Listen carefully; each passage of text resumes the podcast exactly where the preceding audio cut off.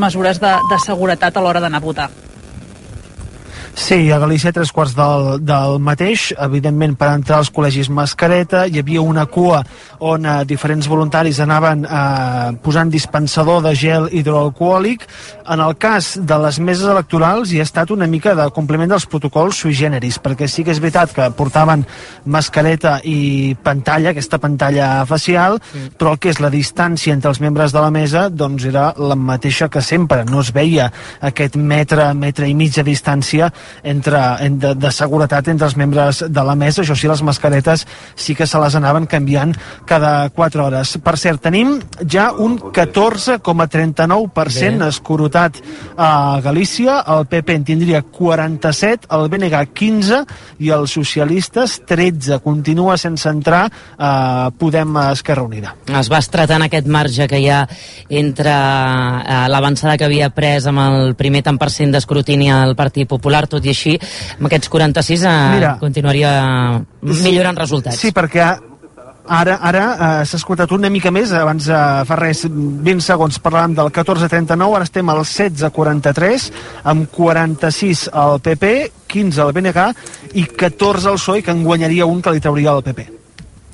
A uh, Euskadi com estem? Laia, comença o no? Comencen a volcar dades? Doncs aquí anem actualitzant la, la pàgina web i encara no surt cap Estem fent i fer 5 tots, eh? Exacte, continua el 0% tant el percentatge escrutat com també les dades de participació.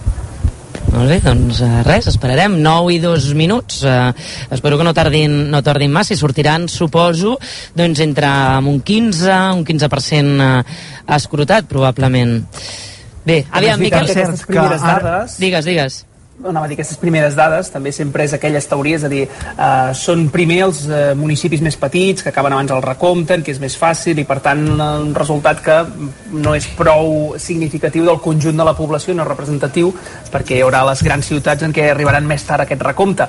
Aquesta pot ser una explicació de per què el PND, ai, el PP surt amb aquests 46 diputats ara mateix amb aquest 16% escrutat. Sí, suele ser así, eh? Per cert, que Aviam, uh, Anxo, Anxo y Adrià. Sí, yo, yo quería hacer solo con, eh, bueno, eh, eh, suele ser así que, que, el PP empiece empiece muy alto. A, a, veces se queda se queda muy alto. En, llegó a sacar el 43 escaños en el en el 93, ¿no? Bueno, yo estaba en 41, la mayoría absoluta está en 38, ¿no? En, en, pero la, la, clave está en, si saca la mayoría absoluta o no, también en el balance de Pedro Sánchez, ¿no? Porque esto de, de, de si sería una, una victoria o sea, una derrota dulce si, si cae Feijó. Eh, sí, pero si Feijó no cae y el PSOE es tercero en Galicia, eh, el, es un golpe para, para Sánchez. ¿eh? Aunque, aunque el PSOE consiguiese mejorar un poco los resultados del 2016 todas... que eran muy malos. Astrid. Pero, y además todas las encuestas, eh, todas las encuestas, han... ay, perdón, sí, todas las encuestas sí, sí totes les enquestes preveien, preveien que el PSOE quedés en segona posició. Per tant, això dificultaria més encara no, en la, aquesta, aquesta hipòtesi no, de, la, de, la dolça, de la dolça derrota perquè, perquè hi havia una perspectiva doncs, de, de tenir una a molta distància però una bona posició com a segona força i en canvi sembla ara per ara doncs, que, doncs, que queda clarament desbancada pel, pel BNG que obté uns resultats eh, eh, molt bons i que, i que el permeten doncs, recuperar un terreny que havia perdut i demostrar una mica aquell, aquella idea no? de, que, de que si els, els, els partits eh, nacionalistes perifèrics són forts, sobre els partits nacionalistes perifèrics d'esquerra, eh, Podemos té moltes dificultats per créixer i mentre que aquests partits han estat més febles, doncs Podemos ha tingut un, una bona possibilitat de, de creixement. Mm.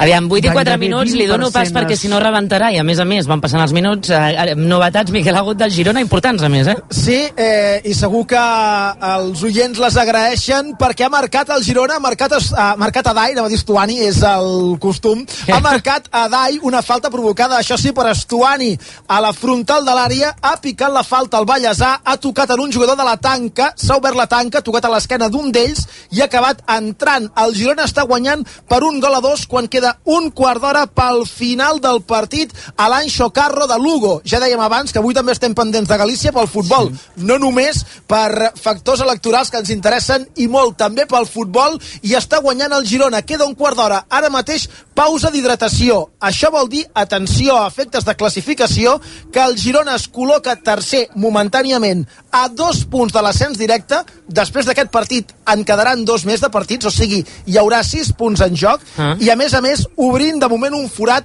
que no és definitiu però gairebé virtualment definitiu per assegurar-se el play-off d'ascens a primera divisió com a mal menor. Per tant, pot ser un punt d'inflexió en la trajectòria de la temporada del Girona aquest partit si l'acaba guanyant, sigui per 1 a 2, per 1 a 3, per 2 a 3 o pel resultat que sigui. Però si el guanya, pot ser un punt d'inflexió per aspirar a l'ascens directe a les dues últimes jornades i gairebé garantir-se el play-off d'ascens a primera divisió. Mm. 14 pel final, més el temps afegit, pausa d'hidratació, gols d'Estuani, de penal i de Dai de falta, Lugo 1, Girona 2. Boníssima notícia pel Girona, 15 minuts que queden perquè acabi aquest partit. Uh, gràcies, Miquel. Novetats ja ens les explicaràs. Uh, deia, boníssima notícia pel Girona. Anxo, jo no sé, tu ets molt futbolero o segueixes uh, allò, partits uh, segona? Això vindria... eh, No? És segona? Yo, yo Ernest, soy de la, de la Liga contra la Futbolcracia. Ah, o sea, combato, combato el- el- la dictadura informativa del fútbol. Eso que de todas formas, eh, que haya otro Ancho en Racú, aunque sea Ancho Carro, el estadio del, del Sí. Lugo, tiene, tiene su gracia, ¿no? También de todas formas me acuerdo de, y, y esto eh, va a haber los futboleros que me lo van a decir mucho mejor, que el Lugo le había fastidiado un ascenso al Girona, Sí. en- porque decían que estaba primado, y Puigdemont estaba muy cabreado con los de Lugo, que de hecho creo que le dijo algo a Feijó antes de, antes de irse a Bélgica, ¿eh? o que no querías, eh, fue como en el 2016 o por ahí, ¿no? Mira, temporada 2014-2015, el Girona, aquella temporada, l'últim partit a casa depenia d'ell mateix, si guanyava per pujar primera directament, va rebre el Lugo, que ja ho tenia tot fet, aquell Lugo l'entrenava Quique Setién, que és ara l'entrenador del Barça, i a les acaballes del partit, el Lugo va empatar a un, quan el Girona guanyava 1 a 0, podria estar golejant, però va fallar moltes ocasions, i el Lugo va fer un gol, evidentment primat, però és el que hi ha en aquestes circumstàncies del futbol a les últimes jornades i a Montilivi va acabar el partit com el Rosari de l'Aurora i el Girona no va pujar en la promoció d'ascens posterior per això Girona, el Lugo, no se'l pot veure veurem si avui canvia una mica i si el Girona guanya aquí l'afició se'l mira amb menys recel, tot i que aquella ferida continuarà oberta entre el gironisme per anys i panys Gràcies, Miquel. 9 i 7 minuts. Jo vaig fent aquí eh, a refrescar, refrescar, refrescar, refrescar, i res, tu, el portal d'escrutini de vots d'Euskadi de les eleccions al País Basc, 0% volcat encara. 9 i Doncs a 7 Galícia- minuts, tu. Digues, digues, a Galícia, sí. A Galícia anem ja pel 23,24% escrutat, és a dir, ja superem el 20% i de moment la fotografia continua igual, el PP amb 46, el BNG al bloc amb 15 i el PSDG, els socialistes gallecs amb 14. Per cert, a dos quarts de 10 del vespre, en teoria, roda de premsa del govern de la Junta per explicar les dades finals de participació. Veurem com queda al final, perquè al matí eh, la primera dada que hem tingut a les 12 del migdia eh, era rècord històric de participació, un 4% més que fa 4 anys, i eh, ara a la tarda, a les 5 de la tarda, s'ha quedat només mig punt més que fa 4 anys. No, no, no, i només que sigui exactament igual que fa 4 anys és notícia, no? Perquè el que Sí, s'especulava, digues, digues, era una No, mucho desmobilització. cuidado con eso, ¿eh? porque Sí. la- en- sí, los datos están mal. Es que en. Galicia, a ver, en, en Galicia tiene medio millón de votantes en el extranjero que prácticamente no votan. Entonces, ese dato que se pone del 53 es, eh, es el final y es incorporando la abstención de- del- exterior. Pero lo- la comparación se debe hacer con el mismo, con el mismo resultado, o sea, con el resultado de esta noche. Y la abstención entonces en Galicia fue del 64. O sea, lo que hay que tomar el dato del, del 2016 sin los emigrantes. Porque, porque ahora no los estamos tomando. Entonces, eh, en realidad, eh, no tengo delante. ¿cómo- ¿Qué está dando? 53, ¿no? De- ahora mismo. Um, aviam, ara mateix, eh, jo tampoc ho... Espera, perquè tinc la pàgina de... de, de uh, uh, 59 amb 59 amb 44, exacte. Vale, pues eh, 51, 51, pues entonces estaría No, cayendo 13 puntos. 59 con 44. Ah, 59. Sí, sí, vale, sí. entonces está cayendo 5 puntos en realidad. Porque en la comparación, aquí viene 53 con 63, esto incluye al exterior. En sí- solo Galicia, que es, que es lo que se está escrutando esta noche, en, fue del, del 63,8. Vale. Sí, claro, en la, la, la emigración en Galicia apunta, aporta 11 puntos de abstención. Entonces hay, hay que dejarla al, al margen.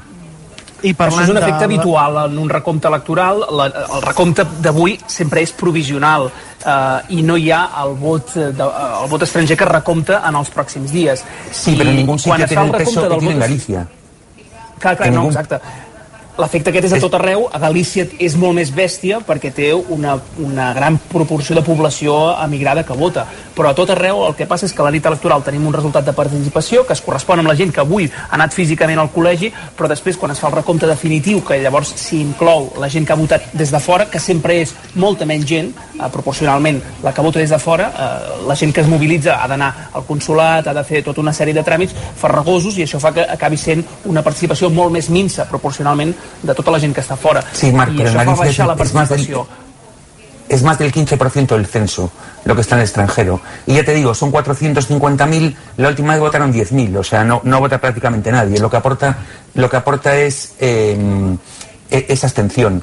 Eh, lo que es muy lamentable es que la Junta eh, dé los datos así, pero bueno, la Junta y los datos son como los del coronavirus. En el coronavirus en, cada uno da como, los quiere, como, como le da la gana, pero solo Galicia consigue que resten, porque como da los casos activos, en- cuando hubo la semana pasada el brote de Amariña, en Galicia eh, la Junta decía que, que decrecían los casos, porque como cuenta los activos, que es un balance restando a los muertos y a los curados, mete curados, y, y entonces es, es la, incre- la increíble cuestión de los datos menguantes, ¿no? I Pero bueno, hubo un tal Fraga Ibarne, ah, que fue ministro de Franco, que presidió la Junta y algo de, de escuela de joven. Jordi, digues. L'Adrià, l'Adrià. Ah, era No, sí, jo deia que aquí van per feina, que ja tenim més d'una quarta part del recompte escoltat, ara mateix 26,5%, perd un escó al PP, passa de 46 a 45, que el suma el bloc i el BNG, que puja de 15 a 16. Per tant, PP 45, BNG 16 i els socialistes 14 amb el 26,56% escrutat. La Es que- proyección ah- del PP, el PP de Galicia dice que saca el cu- 41, que es lo que les da su, pro- su proyección ahora mismo. A ver, empieza a ser, eh, aunque hay solo el 26, empi- está en un nivel muy alto, ¿eh? pero bueno, yo creo que hay que esperar, solo, solo aporto este dato que me No. pasan del PP. No, no, no, i que 41 seria quedar-se com, com està, però que és veritat que, que, que la, ara mateix continua molt alt amb aquest 25% escrutat, però, però que també pot anar de ser una part del recompte final molt interessant i emocionant, perquè el, ben bé, si sumes per la part alta les forquilles de BNG, PSOE i Comuns, eh, els hi va d'un els hi va d'un eh, que poguessin superar la forquilla baixa del Partit Popular. Eh? Per tant, aquí encara, encara hi ha nit electoral. Mentrestant, us diuen alguna cosa, Laia, a Euskadi? Doncs en teoria han d'estar a punt de sortir aquests primers resultats. Fa uns 10 minuts ha comparegut la consellera de Seguretat Basca, Estefania Beltrán de Heredia, que ha comentat que retardaria aquesta, aquests primers resultats entre 10 i 15 minuts, doncs, per, també per l'increment del vot per correu, que ha crescut més del doble, i també doncs, per les circumstàncies i les mesures sanitàries. Ha dit que retardaven aquests 10-15 minuts a la sortida dels primers resultats i també de les dades de participació. Per tant, eh, ara són les 9 i 13, en un parell de minuts ja hauríem de tenir aquests primers resultats. Mm. Um, Anxo, Adrià, aviam, on es podria estar jugant aquesta majoria absoluta al PP de Núñez Feijo? Perquè ara estic veient per demarcacions i, i per províncies i a les 4 amb aquest eh, 20, uh, 26, 30 com a, ara ja. 30 ja? 30, 30 ja tot com igual, queda? PP 45, BNG 16 i el PSDG, els socialistes 14. Ah. Sí, però el PP està amb el 60% dels vots a Lugo, eh? És una bestiesa. Sí, sí, sí. Sí, sí, es, sí. es muy fácil que si tienes 41 escaños, la mayoría absoluta son 38, para perderla tienes que perder uno por provincia. Eh, esto pasó ya en el, en el 2005 cuando cayó Fraga, que tenía también 40 en 41, entonces resistió en Ourense y acabó perdiéndola con dos en Pontevedra. Eh, a ver, mm, a- ahora mismo no se ve nada, porque claro, está muy alto en, Sí. en, en Lugo y Ourense. Yo creo que en principio eh, sería que pudiese perder uno o dos en Coruña y Pontevedra y, y uno en Lugo en Ourense. En Ourense eh, está en 9 de 14, sacó el, el- el último hace cuatro años, en, fue una carambola y es muy difícil que, que se lo saque, ¿no? Entonces yo, yo ya le quitaría uno de Ourense, estaría en 40, eh, luego en Pontevedra es la provincia más complicada para el PP, estaba ganando el PSOE en todas las elecciones el año pasado, en las generales, en las europeas, en las municipales, eh, fue la única provincia que pasó eso, eh, le podemos quitar otro en Pontevedra y a partir de ahí pues eh, tendría que ser uno más en Coruña y el siguiente o, Lugo, un segundo en Pontevedra. Pero de todas formas hay también la cuestión del, coronavirus en Lugo que les ha fastidiado un poco la campaña. Ellos iban, la tenía muy centrada en la cuestión de Alcoa, Mm. que Alcoa es como la Nissan gallega, ¿no? Es la fábrica esta, que está en Amariña también, o sea, es que Está en tot Amariña allá, se ¿eh? Sí, sí, sí, es algo increíble, ¿no? Y, y entonces eh, ellos tenían toda, to- toda la artillería con Alcoa para desgastar al gobierno central, que culpan de, de- de la crisis, tanto a, a PSOE como a Podemos, y, y con eso conseguir uno más en Lugo, eh, pero bueno, en la, en la encuesta de Gasta podía perder uno, uno, uno en Lugo, ¿no? Eh, entonces, el juego en principio sería que perdiera uno por provincia y si en Lugo y, Ourense no pierde uno, pues tendría que ser uno más en Coruña o en Pontevedra. També caldrà veure l'efecte de la campanya, que ho dèiem abans. Jo crec que ha, re ha realçat molt les figures dels governs i dels presidents per una raó evident, que és que, que han hagut de gestionar la situació de crisi, i en canvi ha marmat molt la possibilitat de fer política o de fer campanya a, a la, a, com la coneixíem habitualment. Hem parlat molt menys de partits en general durant tota aquesta crisi del coronavirus, en la qual encara hi som, i molt més de decisions executives dels governs eh, que afecten el dia a dia dels ciutadans. Mm. No sé això, Anxo, en el cas de Galícia, si també doncs, ha, ha projectat molt la figura de Feijó eh, per sobre de la que podrien tenir els altres candidats. Sí, aparte él, eh, claro, dio como 40 horas de, de ruedas de prensa en la, en la TVG, ¿no? Eh, fue un- una, una omnipresencia y claro, hay que tener en cuenta que, que, que el virus, eh, bueno, yo creo que llegó en tren a Galicia, o sea, es como si viniera en tren porque llegó mucho más tarde, ¿no? En, como con dos semanas de, de retraso, el estado de alarma eh, cortó de cuajo la, la expansión y, a ver, hemos tenido 619 muertos, ¿no? Que son condiciones normales, sería una bestialidad, pero claro, comparados con vuestros 10.000, pues, o más de 10.000, eh, son muy pocos, ¿no? Muertos por habitante, eh, ayer España estaba en 60 por cada 100.000 y Galicia con 23, o sea, casi tres veces por debajo, ¿no? ¿Qué pasó? Que esto, el brote de Amariña, eh, pues, ha creado... Porque Feijóo lo que estaba diciendo era, eh, todos los sistemas sanitarios de España fueron sometidos a la misma presión. Y hubo dos que, que resistieron bien, Galicia y Canarias, así como, como si el virus hubiese llegado en igual medida a todas partes. ¿no?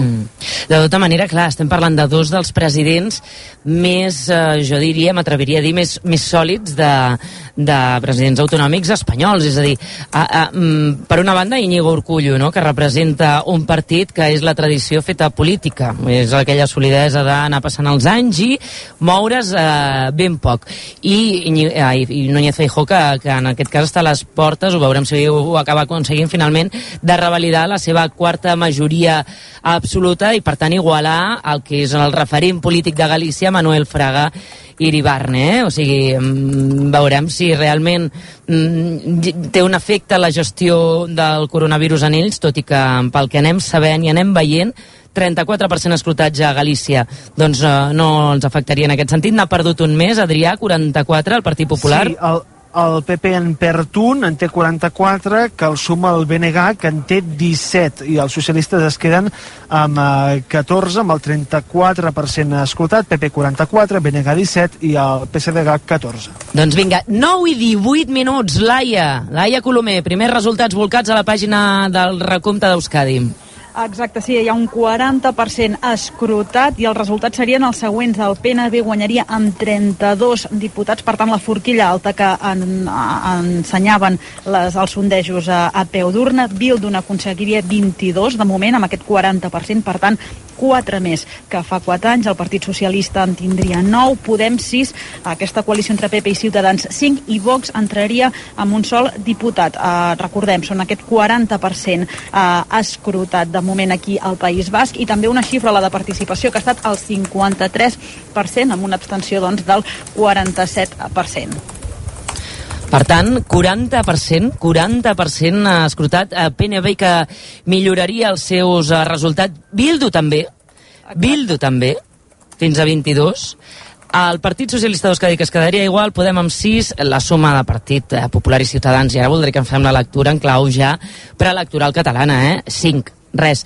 I Vox, que estaria entrant ara mateix eh, amb aquest tant per cent escrutat. Home, i també una lectura interessant, és veritat que s'ha de llegir el País Basc amb uns ulls diferents amb els que ens mirem Catalunya, però si mirem la suma del PNB i Bildu, que allà evidentment tenen una lògica diferent i, no, i el que marca l'eix ara mateix no és el, la part més identitària, més nacionalista, eh, però s'emporten més de dos terços dels escons de, del Parlament eh, basc. Eh, no cal cosa allà per fer un estatut eh, no tindrien gaires problemes amb, amb almenys en la qüestió nacional si es posessin d'acord els dos principals partits. Astrid? Sí, efectivament, vull dir, eh, podria, podria haver-hi un plantejament diferent i de fet, bueno, hi ha molt acords, vull dir, en aquesta propera legislatura, en aquesta darrera ja, ja s'ha negociat el nou estatut, serà una de les qüestions que, que es plantejaran en la propera, però el PNB sempre també es mira molt de reull doncs, quina és la seva possibilitat per incidir en la política espanyola i per tant, doncs, eh, jo m'inclinaria més per pensar que hi haurà, que hi haurà una reedició. Jo volia apuntar una altra cosa, que ara mirant, ara que es comencen a veure molt bé els, els dibuixos i els colors, Um, veiem que si, si es confirmen aquesta, amb aquests resultats eh, i amb aquesta escrutat eh, el mapa, veiem que, que, el, que el País Basc que hi ha una tendència a manteniment en el partit de govern i, i que això és algo que era una de, és una de les incògnites eh, arran de la, de la gestió del coronavirus. Però eh, es manté aquesta tendència a l'increment i a la, a la, a la polarització de, del sistema perquè amb, amb l'entrada de Vox i amb el creixement de Bildu podíem plantejar també doncs, doncs aquesta, aquest creixement dels extrems i dona un, un Parlament encara més fragmentat. I en canvi la tendència totalment, totalment contrària que de fet és una molt, molt excepcional eh, que estem veient doncs, que, en el, que en el cas del Parlament eh, gallec doncs, queda eh, reduïda la presència parlamentària a tres forces polítiques, la qual cosa va a, en, en una direcció totalment contrària al que hem vist a l'evolució política, no només a, a, a les comunitats autònomes a Espanya, sinó a, a bona part de, del món en el que hi ha eh, una tendència a la, a la, a la frac, al fraccionament no? del, del sistema de partits i el mapa que ara queda dibuixat amb només tres partits en el, en el Parlament doncs representa una cosa bastant, bastant anòmala i bastant singular. Mm, perquè a més estem ja en el 44%, Adrià, escrutat. En el cas de Galícia, sí, 44,22% escrutat, el PP continua amb 44 escons, el PNG amb 17 i els socialistes gallecs amb 14, repartim, repetim, 44% escrutat ja déu nhi Per tant, ni Podem Esquerra Unida, ni Vox, ni, ni Ciutadans, eh? No, i de fet, és curiós que, evidentment, Vox i Ciutadans no entren, mm. però uh, té més vots Vox que Ciutadans. Té més vots Vox que Ciutadans, Ciutadans. en aquest moment. Vox en té 11.138 i Ciutadans 3.639. És que, és clar, això agafa també en un moment eh, el partit eh, eh, molt fora de joc, després d'uns resultats eh, nefastos al Congrés de Diputats, la dimissió i desaparició del seu líder, Albert Rivera, l'assumpció del lideratge per part d'Inés Arrimadas, també molt desapareguda. També en tot aquest eh, procés, tot i les negociacions que han fet amb el PSOE per tal de fer prosperar uh, l'estat d'alarma no? cada, 15, cada 15 dies, però amb una situació um, del tot desfavorable els hi arriba tot això.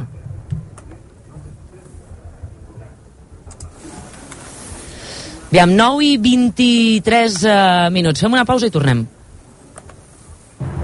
Especial informatiu amb Agnès Marquès. Lo Priorat Blanc. Viatgem a una terra dedicada als vins amb la vinoteca de Gourmet La Vanguardia. Mas d'en Comte Blanc del celler Cal Pla de Porrera. Les brugueres de la Conreria d'Escaladell i Bellmunt Vida Vila de Mas d'en Gil. Sis vins blancs del Priorat valorats a 90 euros ara per només 49. Compra'ls a gourmetlavanguardia.com o al 935 500 105. Patrocinat per Vichy Catalán. A 8TV volem inaugurar la nova migdialitat. Puc passar? La nova migdialitat és tornar-nos a emocionar. S'ha acabat, Josep. Marxem d'aquest poble. La nova migdialitat és l'olor d'un bon sofregit. Mira de qué pornografía, la mantequilla como incrustada en el bollo. I sobretot, la nova migdialitat és no oblidar mai d'on venim. N'han agafat més d'un per tenir llibres d'aquests. Cada migdia, Robin Food, temps de silenci i vent del pla a 8TV. La nova migdialitat. Ja és aquí la tercera edició del campus de futbol Mundo Deportivo, amb la coordinació de MIC Sports, organitzadors del MIC Futbol. Del 27 al 31 de juliol a Barcelona, per jugadors i jugadores de 6 a 16 anys i amb totes les mesures de protecció contra la Covid-19.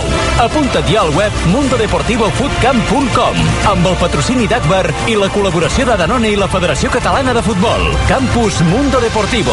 Passió pel futbol.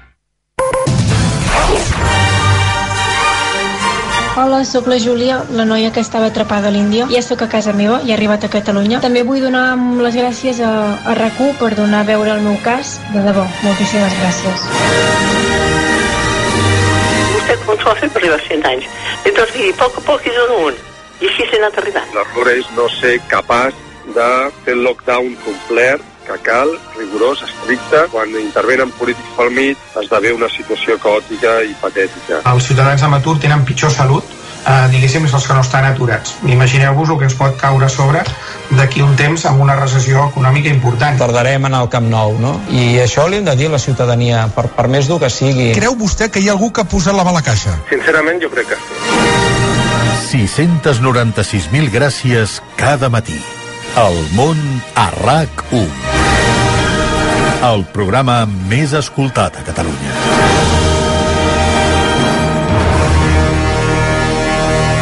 Perquè la ràdio no s'atura. Please stay home. It's okay to be alone.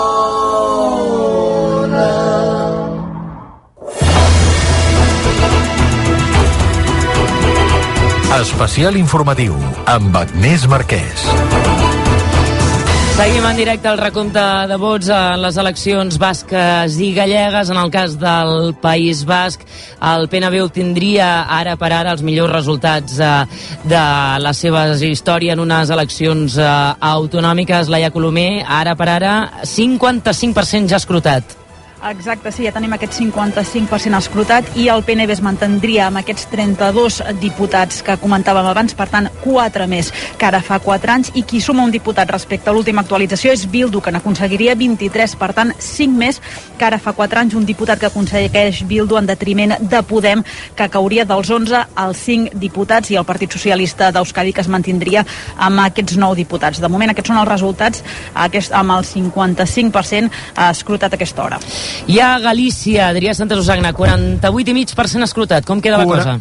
Exacte, 48 i mig escrutat. El PP que perd un escó, perd concretament el d'Ourense, aquest nové del que parlava l'Anxolo Gil de fa una estona, ara en té 8 a Ourense, el PP que es planta amb 43 escons ara mateix, en suma un al BNG, en té 18, i els socialistes eh, gallecs que continuen amb 14, amb aquest 48 i mig escrutat. Sí, continuen sense entrar a Podem, encara amb aquest eh, 48,5% escrutat. Res. Anxo, jo no sé, amb la teva tradició de nits electorals eh, gallegues, si creus que la cosa amb el 50% restant pot arribar a canviar tant com perquè el Partit Popular efectivament pugui arribar a perdre aquesta majoria absoluta? Eh, parece muy difícil. Sí. Eh, o, o, difícil, ¿no? Eh, descartable del todo todavía no, pero, pero según va avanzando, ahora están 42, eh, le quedan, eh, tiene que perder 5, ¿no? Eh, el, en Ourense eh, está ya, o sea, Lugo y Ourense están ya por encima del 50.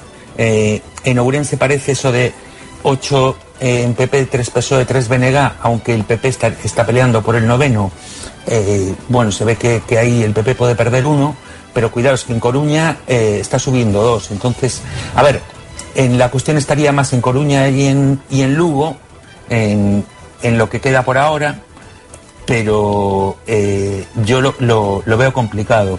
Insisto que la, la, proyección que me dan en el PP a través de, de proyecciones de mesas y, y demás eh, era del 41, lo que tienen, uno, uno más de lo que tienen ahora, o sea, uno menos, perdón, de lo que està saliendo ahora en el... El, el Partit Popular n'ha sí. perdut un altre, ara sí, mateix. Sí, n'ha perdut, sí ha perdut, eh, en tenia fins ara 15 a Corunya, ara en té 14, n'ha perdut un, amb el 51, amb 85% escrutat, el PP en té 42, aquest eh, escó que cau de Corunya, que el guanya el BNG, que es planta amb 19, i els socialistes amb 14. Per tant, PP que continua 4 per sobre de la majoria absoluta. Sí, Eh, Correcto, Entonces, ahora, ahora tendría que bajar 5 de los que tiene, eh, de estos 42, ¿no? Eh, es complicado, ¿eh? Pero bueno, en- queda en la mitad y, y bueno, yo, eh, no, no, no lo descartaría, pero, pero lo veo más complicado.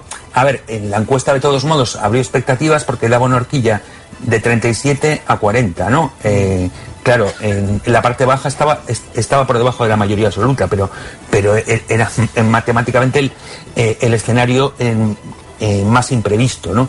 Entonces, eh, hombre, aparte en Galicia normalmente tienes que apostar el dinero, Agnes, lo apuestas por el PP y sueles ganar. Entonces, en- sí, de- de- en- van 10 elecciones, fue la primera fuerza siempre y sacó la mayoría absoluta siete veces. En otras dos eh, fueron mayorías de centro y derecha con, con UCD, con Coalición Galega, y solo una vez hubo mayoría de centro izquierda. Bueno, aquí aún se vislumbra una posibilidad inédita totalmente, que es con el bloque por delante además, eh, pero, pero según va avanzando en la noche y continúa el que aún, aquí es de día todavía. Pero bueno, Això és eh, el que teniu, sí, sí, a Ponent. te- tenemos el, el uso horario portugués en realidad.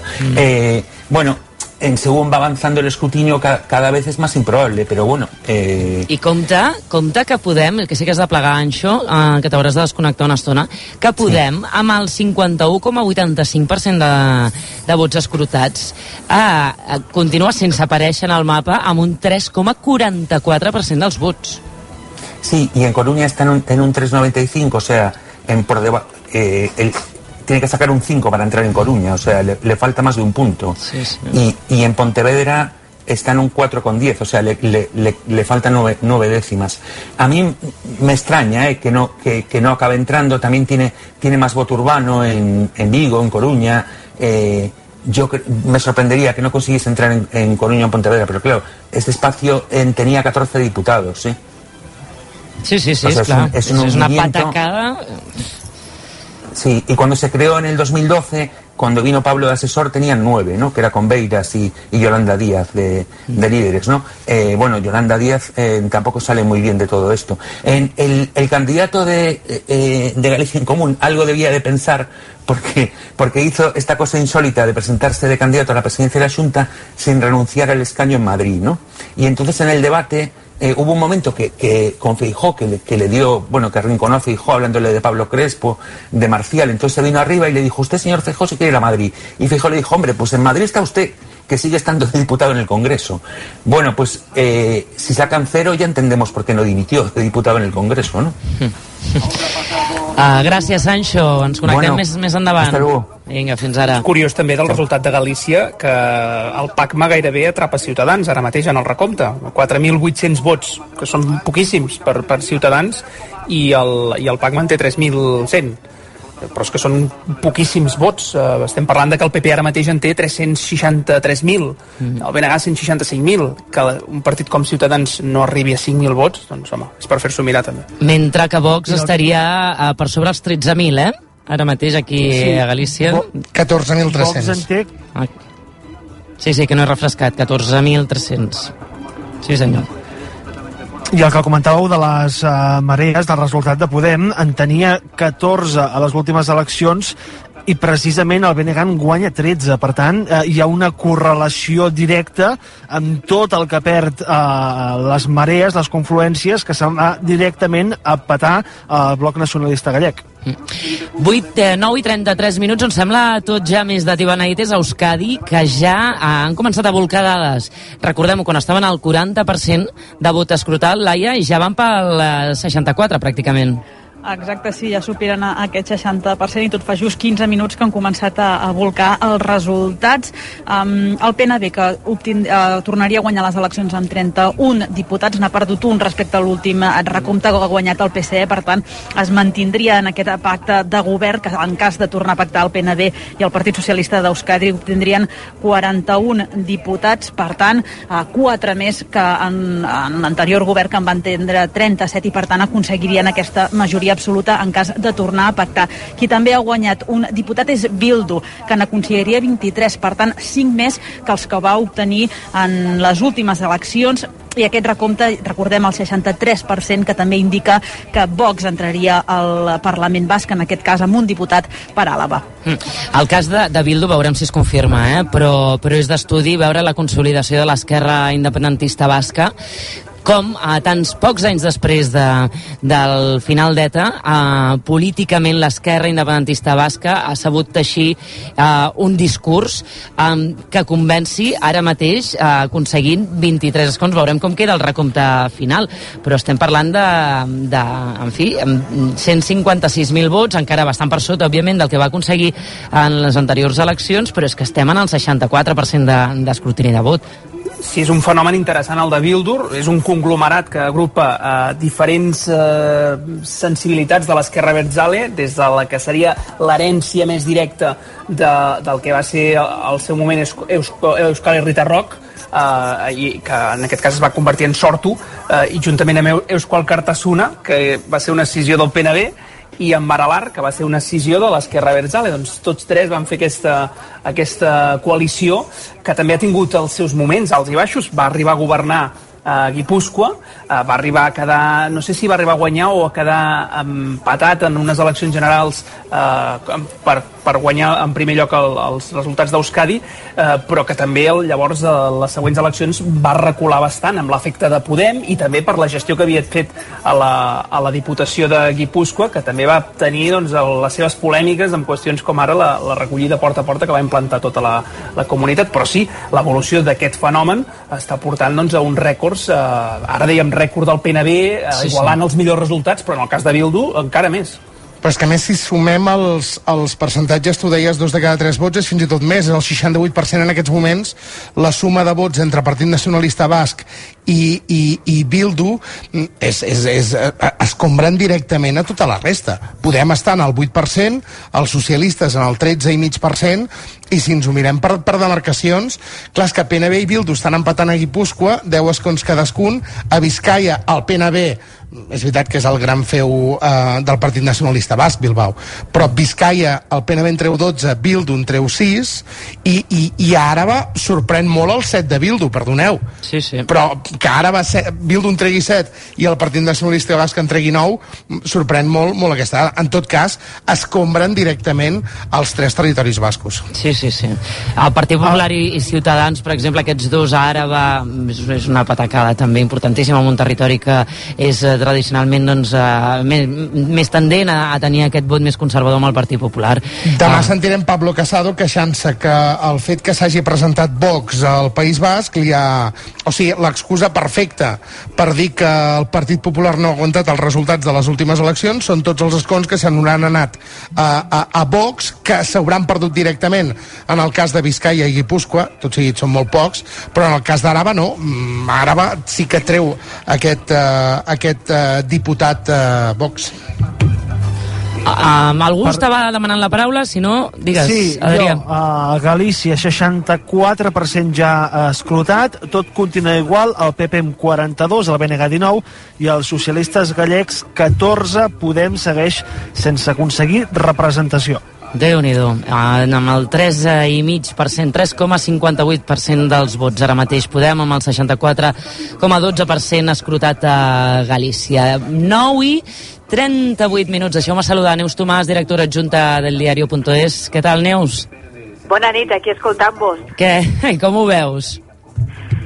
Doncs a, a risc de repetir alguna cosa que potser ja heu dit abans, si hagués de fer un parell o tres d'ítems així, més enllà de les xifres concretes, que per cert va molt ràpid per a, a aquest escrutini, per tant felicitem-nos, um, jo crec que d'entrada s'ha premiat la, la moderació, uh, perquè en el cas d'Orcullo uh, ha fet una campanya molt suau, um, eh, però també EH Bildu eh, és, un, és un discurs, eh, podríem dir, poc estrident i a més a més la seva estratègia a Madrid doncs, eh, s'ha posat a examen i l'ha superat amb, amb nota, no? Per tant, em sembla interessant la moderació a, a Euskadi, però també a Galícia, perquè el PP de Feijó, que, que sabem que va per lliure respecte a, al PP de Casado, doncs ha aconseguit eh, mantenir aquest nivell del galleguisme que, que representa el PP allà i, i a més a més en una campanya que no ha tingut res a veure amb les estridències uh, del PP de Gènova el, per posar un exemple, la, la senyora Álvarez de Toledo ni ha trepitjat Galícia durant tota la campanya. Per tant, eh, Casado fracassa. Fracassa perquè, una, fracassa perquè, perquè el Feijó fa una campanya diferent de la que fa ell, i dos, perquè Euskadi va triar eh, un tipus tan dur com Iturgaiz, eh, que és una aposta seva i, i que fracassa. Fracassa en el seu experiment, a més amb PP i Ciutadans. És que segurament serà més dolorós uh, la patacada d'Iturgaiz que no uh, que Feijó revalidi uh, aquest espai de la majoria absoluta, no? Perquè l'aposta la, personal és Carlos Iturgaiz, que és una aposta estranyíssima, d'altres temps, duríssima, i que, i que porta el camí de fer uns resultats espectac espectacularment dolents.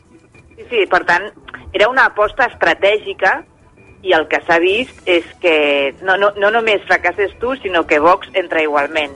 Per tant, eh, jo crec que és d'aquells dies que més enllà que sortirà segur felicitant-se només per, pel tema Feijó, però, però tenen un problema. I després, però no són els únics que tenen problemes. Jo crec que els socialistes i a Podemos abans ho comentava l'Anxo, no? que sembla que ell creu que Podemos encara pot entrar a Galícia, veurem, però però no els ha anat bé. És a dir, a Euskadi el, el PC assumeix que ell hi serà una crossa del govern del PNB en un Parlament que si, que si es compleix el percentatge que tenim ara amb aquest uh, 60 gairebé, no?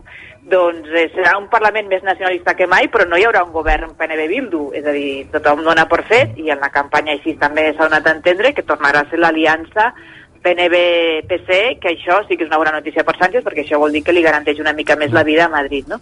I a Galícia tenen un problema molt greu, és a dir, el resultat és molt dolent pels socialistes, um, i, i molt dolent per Podemos, bàsicament perquè tenen, jo crec que dos problemes. Un, que les bronques internes permanents els hi passen factura, i dos, que no acaben de tenir una implementació territorial que és, eh, la necessites per poder anar avançant en, en les eleccions. No? Mm. Uh, per tant, així, uh, com a resum, diria això, que ha guanyat una mica uh, l'ordre. Mm. En totes les seves vessants diferents, però ha guanyat l'ordre. Mm. A aquesta hora de la nit, de fet, deies que el recompte va ràpid. En el cas especialment d'Euskadi és uh, qui porta aquesta més avançat. Uh, Laia, 73,6%. Exacte, sí, aquest 70 llarg per cent d'escrutat i els resultats es mantenen com, com dèiem, el PNB que obtindria 31 eh, diputats i Bildu que obtindria aquests 23 diputats, el Partit Socialista d'Euskadi en tindria 10, per tant passaria d'aquests 9 de, que va treure en les últimes eleccions a aquests 10, Podem, que en trauria 5, aquesta coalició entre PP i Ciutadans, que també n'obtindria 5, i aquesta entrada de Vox al Parlament Basc amb un diputat. Per tant, a aquesta hora, aquests uh, resultats de, gaire, de gairebé ja el 75% que confirmarien aquesta victòria del PNB amb 31 diputats. Mm, poca cosa canviarà perquè fixa't ara, a més a més, actualitzat uh, fins al 78% pràcticament. Uh, Laia, us han dit alguna cosa de quina hora pot uh, compareixer Iñigo Íñigo Urcullo. Uh, no, de fet ho hem preguntat i ens han dit no ho pregunteu perquè no ho sabem encara per tant, uh, però sí que és veritat que ja gairebé el 80% escrutat doncs ben bé pot ser que cap a les 10 uh, de la nit surti Iñigo Urcullo a fer aquesta valoració dels resultats. Des del govern basc ens comentava que esperaven tenir els resultats definitius cap a dos quarts d'onze. Per tant entenem que cap a les 10, 10 i poc podria sortir ja l'Endacari uh, Urcullo i, i candidat del PNB a fer aquesta valoració dels resultats ja més definitius de les eleccions. Mm. Adrià, Galícia, com estem? A Galícia, més d'un 70% ha escrutat, 70 amb 85%, continua igual el PP amb 42 escons, el BNG amb 19 i els socialistes gallecs, el PSDG amb 14. Podem, Esquerra Unida, continua sense entrar, està al 3,67%, necessita un 5 per entrar, Vox, que tampoc entraria, tot i que té 18.345 vots, gairebé un 2%, i Ciutadans allà frec a frec amb el PACMA. Ciutadans té 6.349 vots i el PACMA 4.085. Miquel Agut, com ha acabat el Girona? Malament. Malament. Malament. Ha marcat el Lugo. L'última jugada del partit ens hem quedat tots amb un pam de nas i al final empat a dos. Un empat insuficient que deixa el Girona momentàniament en cinquena posició a 4 punts de l'ascens directe i 4 punts per sobre de la zona en què es perdria la promoció d'ascens. Però encara han de jugar rivals per dalt i per baix. Una decepció com una casa de pagès perquè l'última jugada del partit és quan el Lugo ha empatat un partit que el Girona tenia gairebé a la butxaca. Doncs bé, al final eh, el talismà no ha funcionat, Miquel. No ha funcionat, no ha funcionat, eh, no sé què ha passat, Sí, alguna cosa sí, no sí. s'ha ajustat al final de tot, Coses que passen. però no ha funcionat el talismà, ha estat a prop, eh, però A veure com li van al Girona els pròxims partits de Lliga. Gràcies. de res. Vagi bé.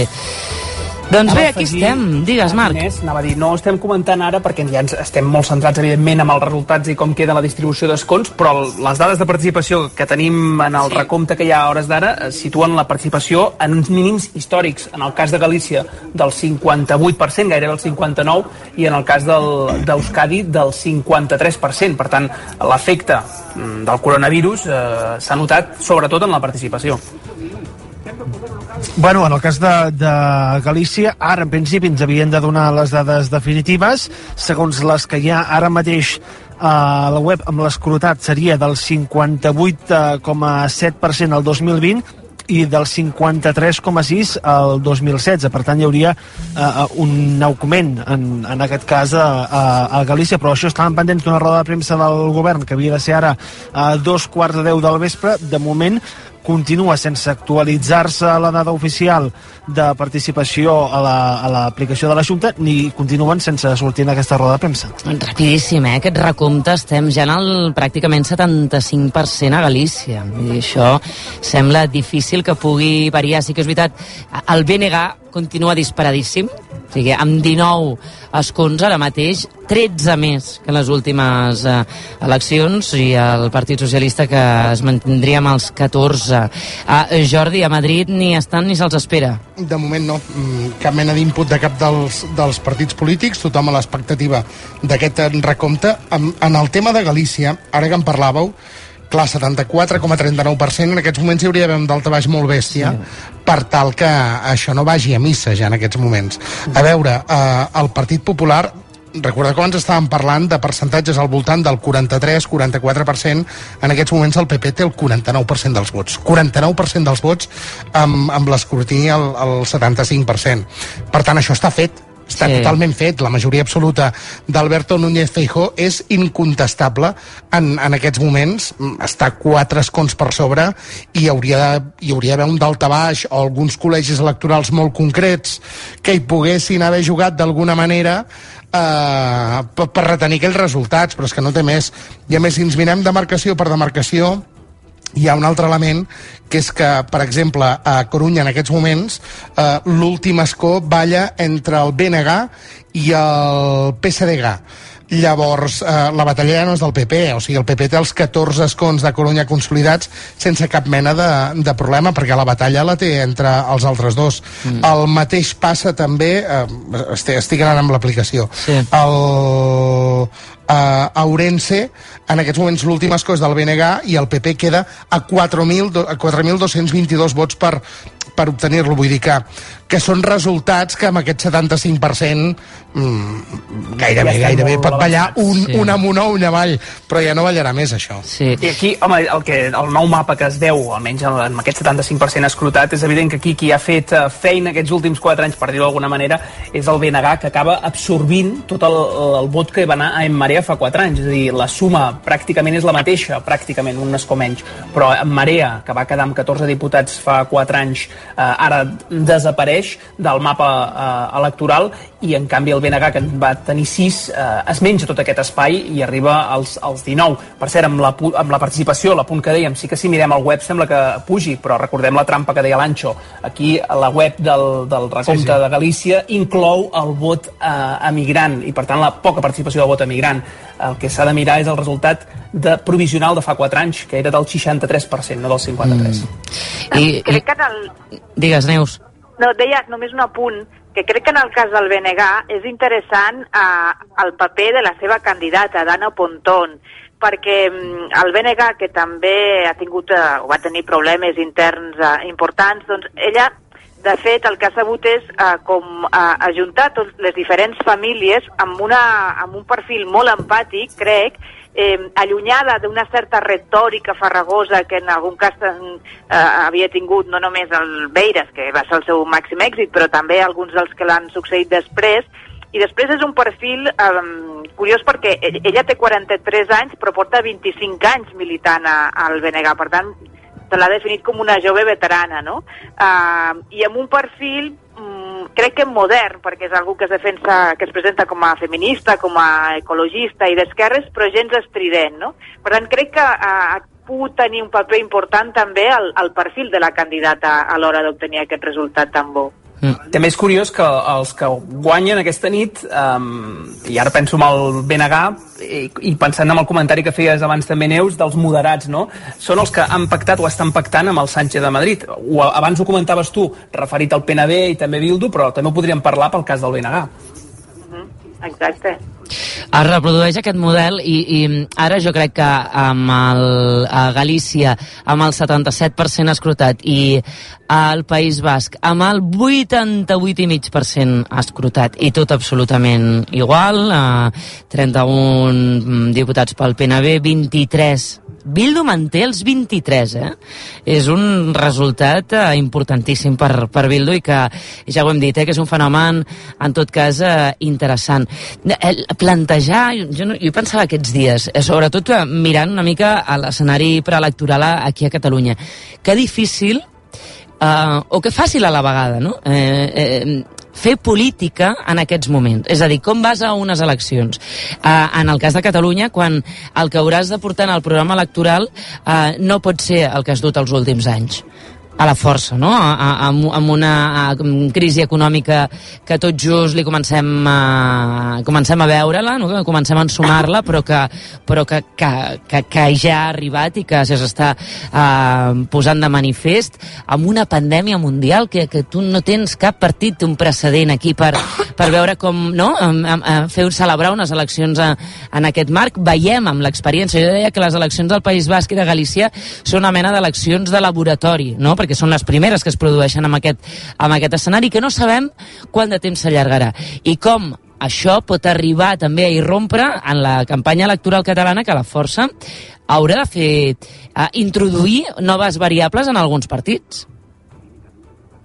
No? Sí, però la campanya, la campanya electoral a, a Catalunya sabem d'entrada que tindrà que tindrà eh, un eix fonamental, no? que, serà, que serà la gestió del, del conflicte i, i per tant, doncs, encara que, que tots els partits eh, insistiran en que s'ha de centrar en, en la qüestió de la reconstrucció, de la gestió de, del postcoronavirus, sempre eh, al final eh, es de, de, vindrà determinada per la, per, la qüestió, per la qüestió nacional.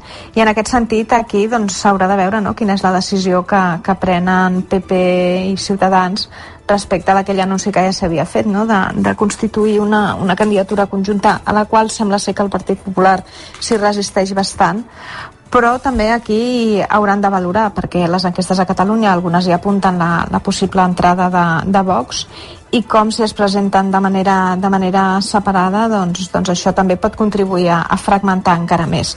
La veritat és que la decisió és, és complicada eh, perquè el Partit Popular té expectatives, una certa expectativa de, de millorar, i Ciutadans el que és segur és que no serà capaç de, de, revalidar, de revalidar els resultats. I s'haurà de veure doncs, quina és l'estratègia que permet minimitzar eh, la derrota i segurament eh, distribuir culpes, no? Una aliança en aquest sentit a, a, a Ciutadans li seria, li seria còmode perquè podria eh, enmascarar una mica el, seu, el seu retrocés. A mi a dia d'avui, Astrid, ja sé que a la tardor queda molt lluny, eh? però a mi a dia d'avui, plantejar unes eleccions a Catalunya com si aquests tres anys no haguessin passat i com si no hagués passat el coronavirus, a mi em, em sembla uh, inimaginable inimaginable amb una crisi econòmica afectant tots els estrats eh, de diferent manera segur, però tots els estrats socials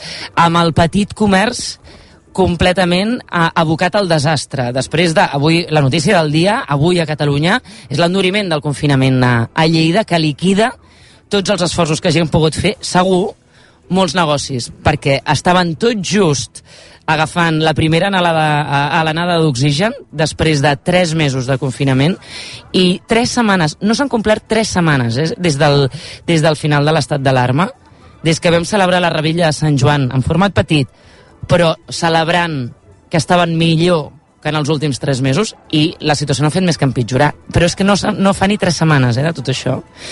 A mi se'm fa difícil imaginar un panorama que a la tardor, si no hi ha vacuna, sigui molt més tranquil i plàcid que no pas ara. Per tant, jo, eh, els partits faran el que voldran, òbviament. No, tran tranquil, tranquil i plàcid no, tranquil no, no, i plàcid però anar, no anar amb clau de, de, de reconstrucció, que òbviament la, eh, la naturalesa d'alguns partits, òbviament, els, i, no, d'alguns partits i de la realitat política que encara hi ha, eh, serà parlar d'això, però, però hi ha una qüestió que passarà eh, com un tsunami per davant de, de tot, i és aquesta crisi econòmica i sanitària que tenim. Aleshores, eh, entenc fins i tot que Galícia i el País Basc s'han celebrat aquestes eleccions en, en, un bon moment, en un moment, tot i que han tingut els brots eh, d'Amarinyes i Ordícia, encara en un bon moment, però eh, amb unes eleccions, no sé, a, a l'octubre, al novembre, al desembre, depèn de com estiguem, a mi se'm fa molt difícil, se'm fa molt estrany i, i molt irreal plantejar unes eleccions que vagin amb, el, amb els valors i, i ar arguments electorals de, de sempre o dels últims anys, eh? No, sé, el i que com ho veieu els es altres? Reforça...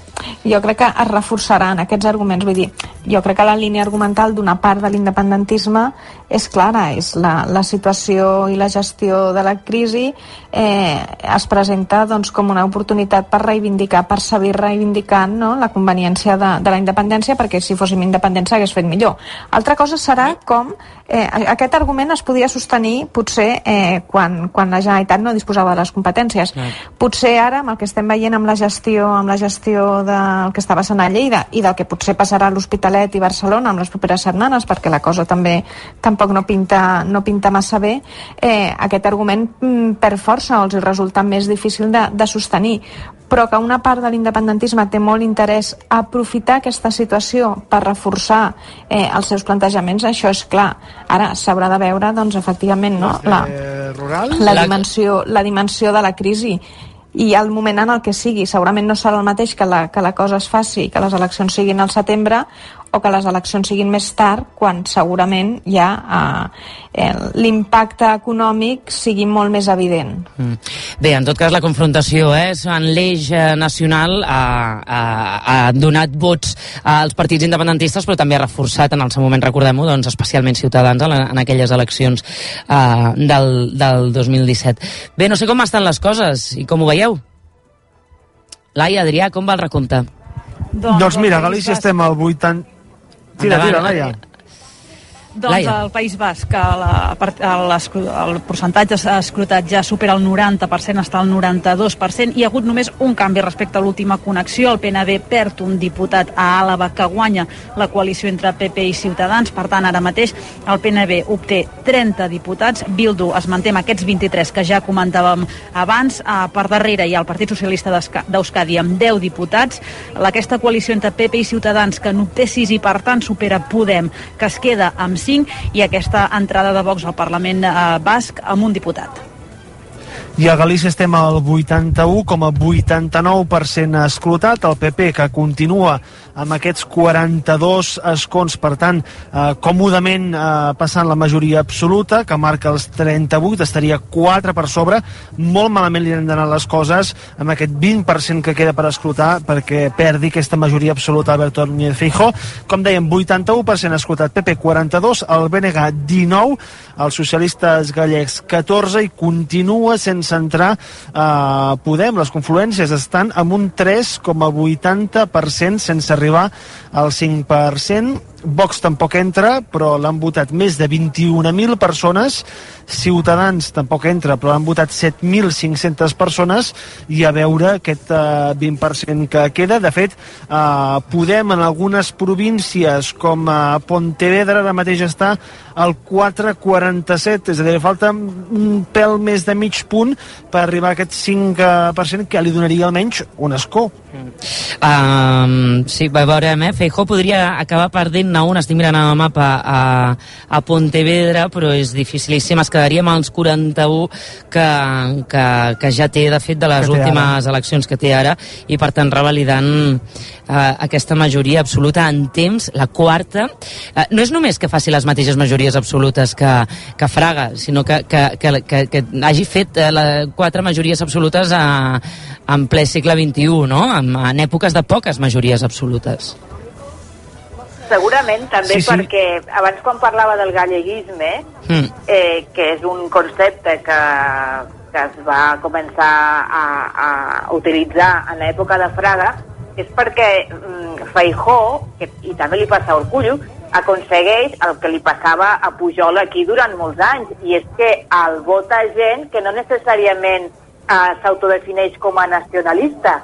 Um, per tant, aconsegueix un vot que va molt més enllà de la frontera partidista del PP.